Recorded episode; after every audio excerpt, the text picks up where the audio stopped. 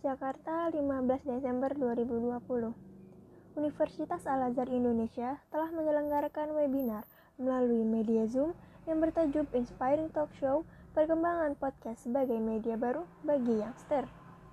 Pada 30 Oktober 2020, dengan dihadiri sejumlah narasumber terpilih, Citra Dia Prastuti, pemimpin redaksi KBR, Ade Prasetya, Deputi Editor in Chief Berita 1 TV, dan Yuri Alvin Aladin, dosen komunikasi Universitas Al-Azhar Indonesia, dan jurnalis kantor berita Antara.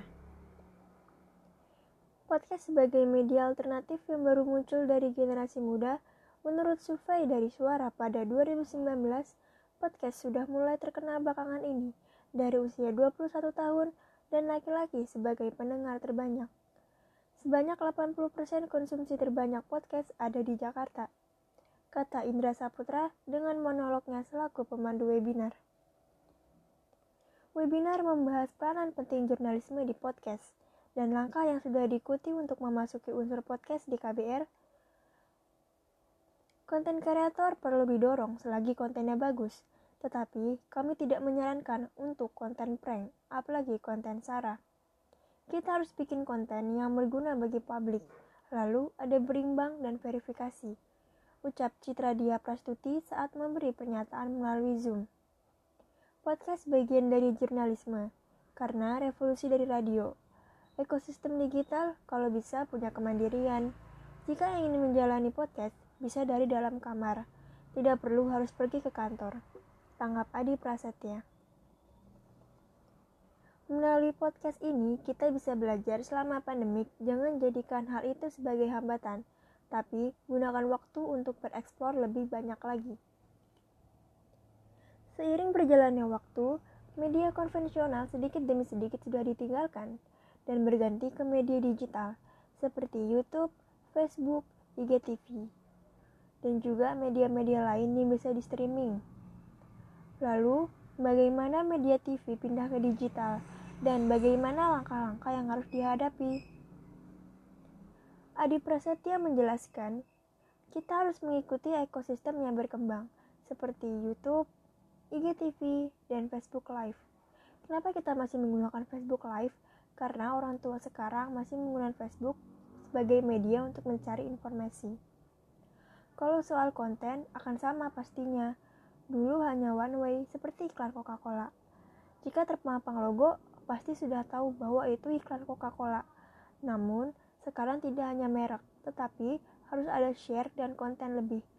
Ya, jika dilihat sekarang TV dan radio harus menunggu pemirsa, bukan kita yang ditunggu pemirsa. Sudut pandang seorang dosen dalam membahas podcast tentu memiliki jalan pikirannya sendiri.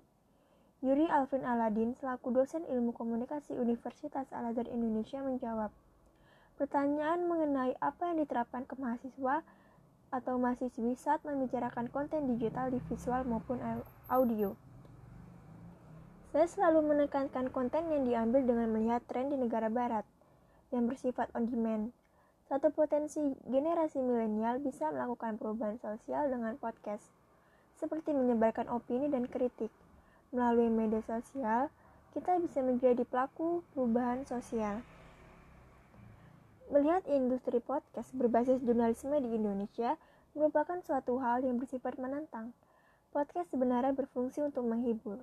Dalam membuat podcast jurnalisme, harus mematuhi etika dan sifatnya. Tidak mudah seperti podcast umum lainnya, dan sudah menjadi kebutuhan pendengar. Pembelajaran jurnalisme bisa menjadi landasan untuk permulaan dan dalam membuat konten. Citra menanggapi, asal berbicara di podcast boleh, tetapi harus mematuhi aturan dan etika yang ada. Menurut Adi, pemilik konten YouTube juga harus mematuhi kode etik jurnalisme. Kode etik tidak hanya mengajarkan jurnalisme, tetapi juga memberi pelajaran bagi umum. Bertanggung jawab atas apa yang kita unggah dan kita upload. Untuk media digital, pihak yang bertanggung jawab yaitu PPMS, Pedoman Pemberitaan Media Cyber, dan Undang-Undang Nomor 40 Tahun 1999 untuk jurnalisme resmi. Citizen jurnalisme tidak memiliki kode etik yang bertanggung jawab. Ini kenapa banyak citizen jurnalisme yang asal menyebarkan konten-konten saja. Tetapi dia tidak bisa mempertanggungjawabkan apa yang sudah dia beri kepada publik.